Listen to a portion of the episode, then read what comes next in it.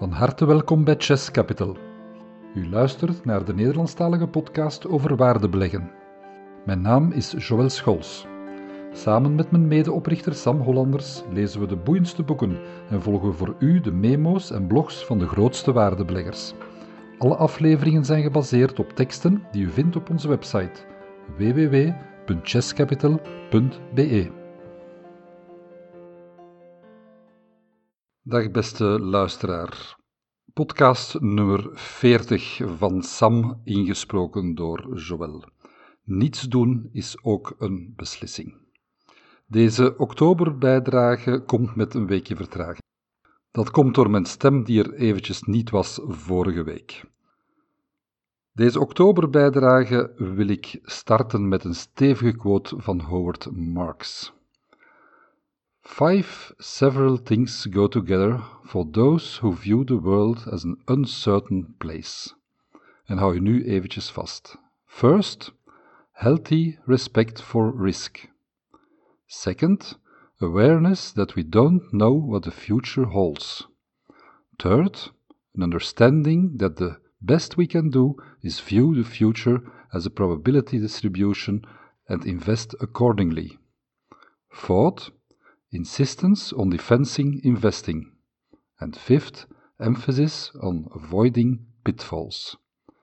To me, that is what thoughtful investing is all about. Dit is een boodschap die we nog vaak zullen herhalen. De toekomst is per definitie onzeker. De waarde van een bedrijf is wat het ons in de toekomst kan opleveren. En vermis de toekomst onzeker is, is bij gevolg de waardering dat ook. Vandaag zie ik echter heel vaak waarderingen passeren waarbij die toekomst in steen lijkt gebeiteld te zijn. Laat ons zeggen dat ze vaak zeer optimistisch zijn. Een van de uitdagingen voor ons als investeerder is dat je niet tegelijk volop kunt gaan om winst te maken en tegelijk volop kan kiezen om verlies te vermijden. Je moet als belegger een keuze maken welke vaak neerkomt op een balans vinden tussen beide. Voor ons is het vandaag echter een periode waarbij we sterker leunen naar het vermijden van permanent verlies. Of misschien nog beter gezegd, nog sterker dan anders. Ik wil ook graag eens extra onderstrepen dat ik hier dan wel degelijk spreek over permanent verlies en niet over de volatiliteit die de beurs kent. Een koers die zakt is niet erg, zolang het bedrijf blijft presteren binnen de normen die je hebt vooropgesteld. Al kan volatiliteit natuurlijk een permanent verlies veroorzaken als je moet verkopen wanneer je geld nodig hebt, of als je de daling emotioneel niet meer aan kan.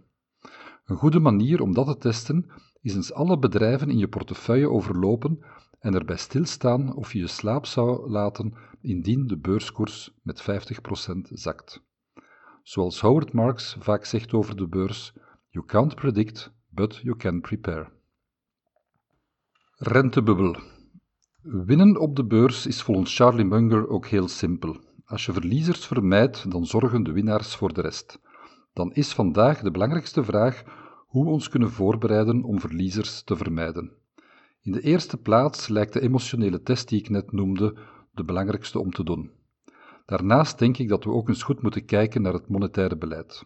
De centrale banken pompen massaal geld in het systeem en de overheden geven geld uit als slijk. De overheden kunnen dit omdat schulden vandaag door het beleid van de centrale banken spotgoedkoop zijn. Verschillende overheden en topbedrijven kunnen zelfs lenen aan negatieve rentes. Ze worden letterlijk betaald om geld van beleggers voor een tijd vast te zetten. De vraag is hoe ver dit nog kan rekken. Hoeveel lager kan de rente nog gaan en in welke kredietvorm? Ik herinner me nog dat ik in 2015 bij de bank zat voor een aanpassing van onze hypotheek en dat ik toen al dacht dat de rente niet veel lager meer kon gaan. Zes jaar later is het tegendeel bewezen. Wanneer deze trend van dalende rente keert, valt niet te voorspellen. Maar dat deze ooit zal keren, lijkt me wel voor bijna 100% zeker. Waarom? Wel omdat alles in de economie een slingerbeweging is. Moeten we dan meteen uitgaan van rentes van 16% zoals in de jaren 80 van de vorige eeuw, of zelfs van rond de 5 of 6%? Waarschijnlijk niet, maar stel dat de rente vandaag in Europa zou stijgen met 50 basispunten, dus van 0% naar een half procent, dan zou dit al een immense impact hebben. Laat ons bijvoorbeeld een bedrijf X nemen dat vandaag leent op drie jaar aan 0,05 procent. Als de rente stijgt met 50 basispunten, dan betalen ze opeens 0,55% rente, oftewel 11 keer meer dan voordien. Op een lening van 10 miljoen betaalt het bedrijf dan in plaats van 5000 euro rente opeens 55.000 euro. Dat scheelt een flinke slok in de winst en bij gevolg in de waardering van het bedrijf. Dit terwijl de stijging van 50 basispunten aan zich peanuts is. Wat als de rente ineens zou stijgen naar 2 of 3 procent? Dat maakt voor veel bedrijven het verschil tussen winst en verlies, terwijl dit historisch gezien nog steeds zeer lage rentes zijn. Op zo'n scenario kunnen we ons voorbereiden door te kiezen voor bedrijven met lage schulden en met ruime terugbetalingscapaciteit. Dit zal op korte termijn wegen op de rendementen en ratio's, zoals het rendement op het eigen vermogen, maar je bent tenminste zeker dat je ook een cyclus met hoge rentes zal overleven. Dit verzekeren van overleven in slechte tijden gaat ten koste van het maximaliseren van de winst in goede tijden. Als de markten verrassen, de rentes laag blijven of verder dalen en de beurzen verder stijgen, dan zal deze strategie niet de hoogste rendementen opbrengen. Maar dat is ook niet onze grootste zorg. Kapitaalbehoud is dat wel. Of om het met een quote van Warren Buffett te zeggen: I have never believed in risking what my family and friends have and need, in order to pursue what they don't have and don't need. En zo voelen wij het ook aan. Ook in vastgoed is er door de lage rente een flinke bubbel ontstaan. Het idee dat hierbij bijna iedereen leeft, is dat de opbrengst van het vastgoed altijd hoger zal zijn dan de kost van het lenen. Dat is nogthans niet altijd zo geweest in het verleden. En dit zal waarschijnlijk in de toekomst ook niet altijd zo zijn, ongeacht hoe lang dit vandaag al blijft gelden. Net als bij andere beleggingen moet je bij vastgoed zeker zijn dat je een mindere periode kan uitzitten. Voor investeringsvastgoed wil dat zeggen een periode zonder huurder. Zo niet, dan loert een gedwongen verkoop om de hoek, en dat is nooit goed nieuws voor uw kapitaal. Nog vaak gehoord is dat vandaag alles beter is dan cash, zeker met de huidige inflatie en bijgaande doemberichten die ons rond de oren worden geslagen. Cash is nogthans een van de veiligste beleggingen, zelfs al is het rendement door de inflatie negatief. Vandaag zien we echter massaal veel beleggers die hun cash omzetten in risicovollere beleggingen, zoals obligaties, aandelen en vastgoed. Als je daarbij dan weet dat ze deze belegging eigenlijk veel te duur betalen, dan is het risico helemaal niet meer in verhouding. Ze hebben eigenlijk de inflatie die nog moet komen al op voorhand betaald. Maak je ook niet de illusie dat jij degene zal zijn die kan meesurfen op een hype en er op tijd zal uitgeraken. Waarom zou jij iets eerder iets weten dan de anderen, zeker gezien de middelen die daar vandaag door grote institutionele partijen worden voor ingezet? Het belangrijkste is dat je weet wat je koopt, dat je er niet te veel voor betaalt en je risico op permanent verlies van kapitaal zo klein mogelijk maakt.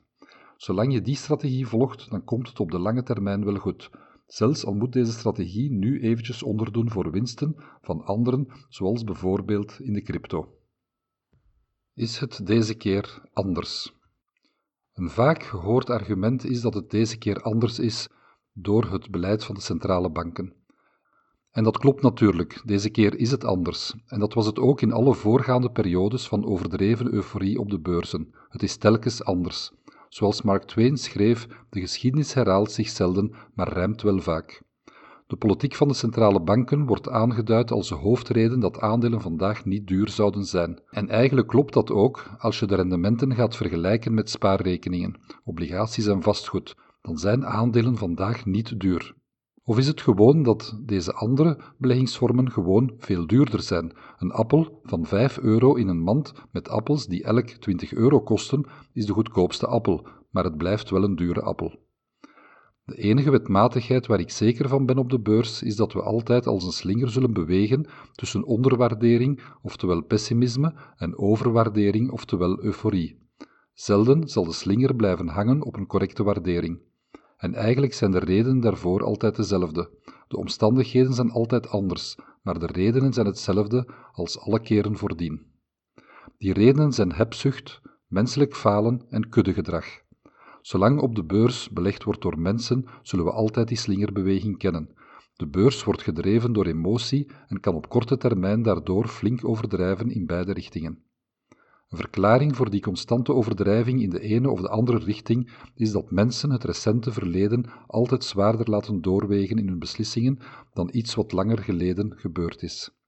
Als we dan weten dat er vandaag mensen actief zijn op de beurs met tien jaar ervaring, zonder dat ze ooit een echte crash hebben meegemaakt, 2020 was een oefenwee, dan overtreft dit zelfs het korte geheugen waar de beurzen voor bekend zijn en krijg je extrapolatie van een uitzonderlijke periode, welke de waarderingen te optimistisch maakt.